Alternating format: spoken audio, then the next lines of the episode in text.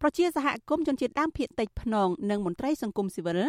យដឹងកាលពីថ្ងៃទី24ខែសីហាថាប្រធានមន្ទីរអភិវឌ្ឍជនបទលោកយុនសារ៉ោមគឺជាមេខ្លោងរំលោភយកដីព្រៃអភិរក្សចំនួន23ហិកតាដោយបំពានច្បាប់និងបានឈូសឆាយដីព្រៃសមរភាពរបស់ជនជាតិដើមភាគតិចភ្នងចំនួន5គ្រួសារស្ថិតនៅស្រុកកោះញែកកាលពីខែមេសាឆ្នាំ2021 ប៉ុន្តែមកទល់នឹងពេលនេះមិនទាន់ឃើញតុលាការចាត់វិធានការលើប្រធានមន្ទីររូបនេះនៅឡើយទេកាលពីឆ្នាំ2020អភិបាលខេត្តមណ្ឌលគិរីលោកស្វាយសំអៀងបានបញ្ជាឲ្យដកហូតដីព្រៃអភិរក្សទំហំ23ហិកតា ដែលលោកយុនសារ៉ោមកាប់ទន្ទ្រានដោយខុសច្បាប់ស្ថិតនៅភូមិស្រែអ៊ីសង្កាត់រមនីក្រុងសែនមនោរមខេត្តមណ្ឌលគិរីប៉ុន្តែមកដល់ពេលនេះនៅមិនទាន់ឃើញស្ថាប័នណាមួយដោះស្រាយបញ្ហានេះនៅឡើយទេ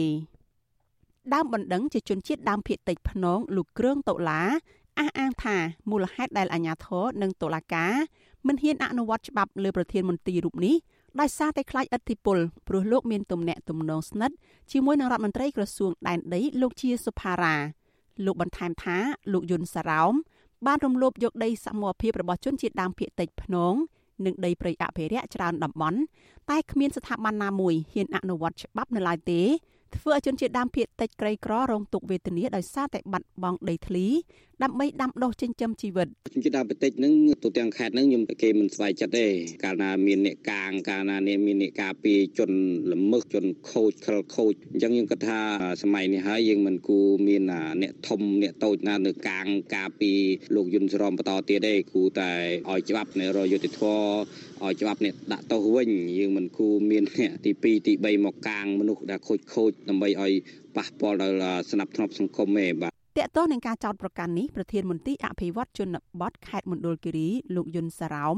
បដិសេធបំភ្លឺរឿងនេះដោយលោកប្រាប់ថាកំពុងជាប់រវល់ខ្ញុំចូលរវល់មានកៅអីនោះខ្ញុំចូលរវល់តិចកន្លងទៅប្រធានមន្ទីររូបនេះបានគម្រាមបកអាក្រាតចំពោះអ្នកដែលបានពាក់ព័ន្ធនឹងការទន្ទ្រានយកដីរដ្ឋប្រសិនបើអភិបាលខេត្តដកហូតដីរបស់លោកមែននោះលោកប្រាប់កាសែតក្នុងស្រុកថាលោកនឹងលាតត្រដាងអ្នកដែលពាក់ព័ន្ធរៀនដីព្រៃទំហំ500ហិកតា ដល់1000ហិកតានៅក្នុងខេត្តនេះវិទ្យុអាស៊ីសេរីមិនទាន់អាចតាក់ទងសុំការឆ្លើយតបរឿងនេះពីអ្នកនាំពាក្យតុលាការខេត្តមណ្ឌលគិរីលោកមាសប្រុសនិងអភិបាលខេត្តមណ្ឌលគិរីលោកស្វាយសំអៀងបាននៅឡើយទេ នៅថ្ងៃទី23ខែសីហាព្រោះទូរស័ព្ទហៅចូលតែគ្មានអ្នកលើកចំណែករដ្ឋមន្ត្រីក្រសួងដែនដីលោកជាសភារាក៏អាស៊ីសេរីមិនទាន់អាចតាក់ទងបានដែររីឯតំណាងជនជាតិដើមភាគតិចភ្នង5គ្រួសាររស់នៅភូមិអន្ត្រេះ ឃុំអ4ស្រុកកោះញែកចោតប្រកាន់ប្រធានមន្ត្រីរូបនេះថាបានប្រើអំណាចជាអាជ្ញាធររំលោភបំពានលើដីព្រៃសមរភាពរបស់អ្នកភូមិ5ហិកតាតំណាងពលរដ្ឋលោកឡានរដ្ឋាប្រាប់វិទ្យុអាស៊ីសេរីថាលោកយុនសារ៉ោមបានយកគ្រឿងចាក់ទៅឈូសឆាយរំលោភយកដីចំការវិលជុំរបស់ពួកគាត់ទំហំជាង5ហិកតាទៅធ្វើជាសម្បត្តិបុគ្គលលោកថាមកដល់ពេលនេះដីដែលប្រធានមន្ទីររូបនេះរំលោភយក នៅមិនទាន់មានការដោះស្រាយនៅឡើយទេ ដែលបង្កឲ្យមានផលប៉ះពាល់ទៅដល់ជីវភាពរស់នៅរបស់ជនជាតិដើមភាគតិចក្រីក្រលោកបន្ថែមថាដីសមរភាពទាំងនោះពួកលោកបានអាស្រ័យផលជាង30ឆ្នាំមកហើយមានបញ្ហាអត់ឃើញដោះស្រាយឲ្យគ្នាជីវរដ្ឋដល់ពេលយើងជីវរដ្ឋដូចអត់ថាឡើងមានជំនឿអញ្ចឹងដល់ពេលអញ្ចឹងថ្ងៃមុខថ្ងៃក្រោយអ្នកមានអំណាចចង់ចង់យកលេណាបានវិញហ្នឹងដល់ពេលអញ្ចឹងកាលពីឆ្នាំ2016ជនជាតិដើមភាគតិចភ្នងជាង1000គ្រួសារបានផ្តិតមេដៃដាក់ពាក្យប្តឹងទៅអាជ្ញាធរជាតិ ឲ្យដកប្រធានមន្ទីរអភិវឌ្ឍជនបទខេត្តមណ្ឌលគិរីរូបនេះពីតំណែងករណីរំលោភសិទ្ធិជនជាតិដើមភាគតិចលើសពីនេះនៅក្នុងឆ្នាំ2017មន្ត្រីជាន់ខ្ពស់សមាគមអាត6លោកប៉ែនប៊ុនណា និងជនជាតិដើមភាគតិចភ្នង17នាក់បានផ្តិតមេដាយរួមគ្នា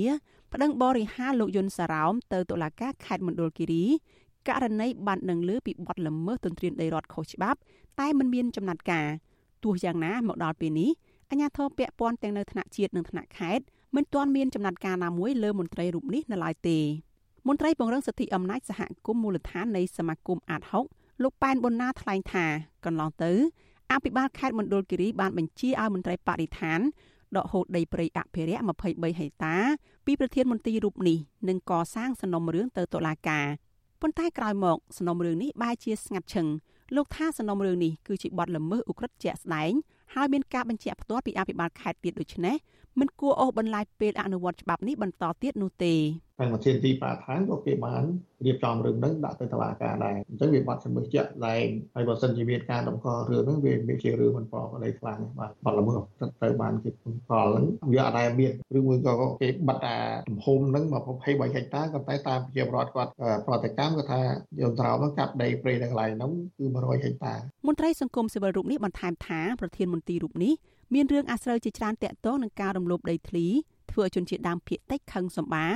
ហើយក៏មានពលរដ្ឋខ្លះមិនហ៊ានតវ៉ា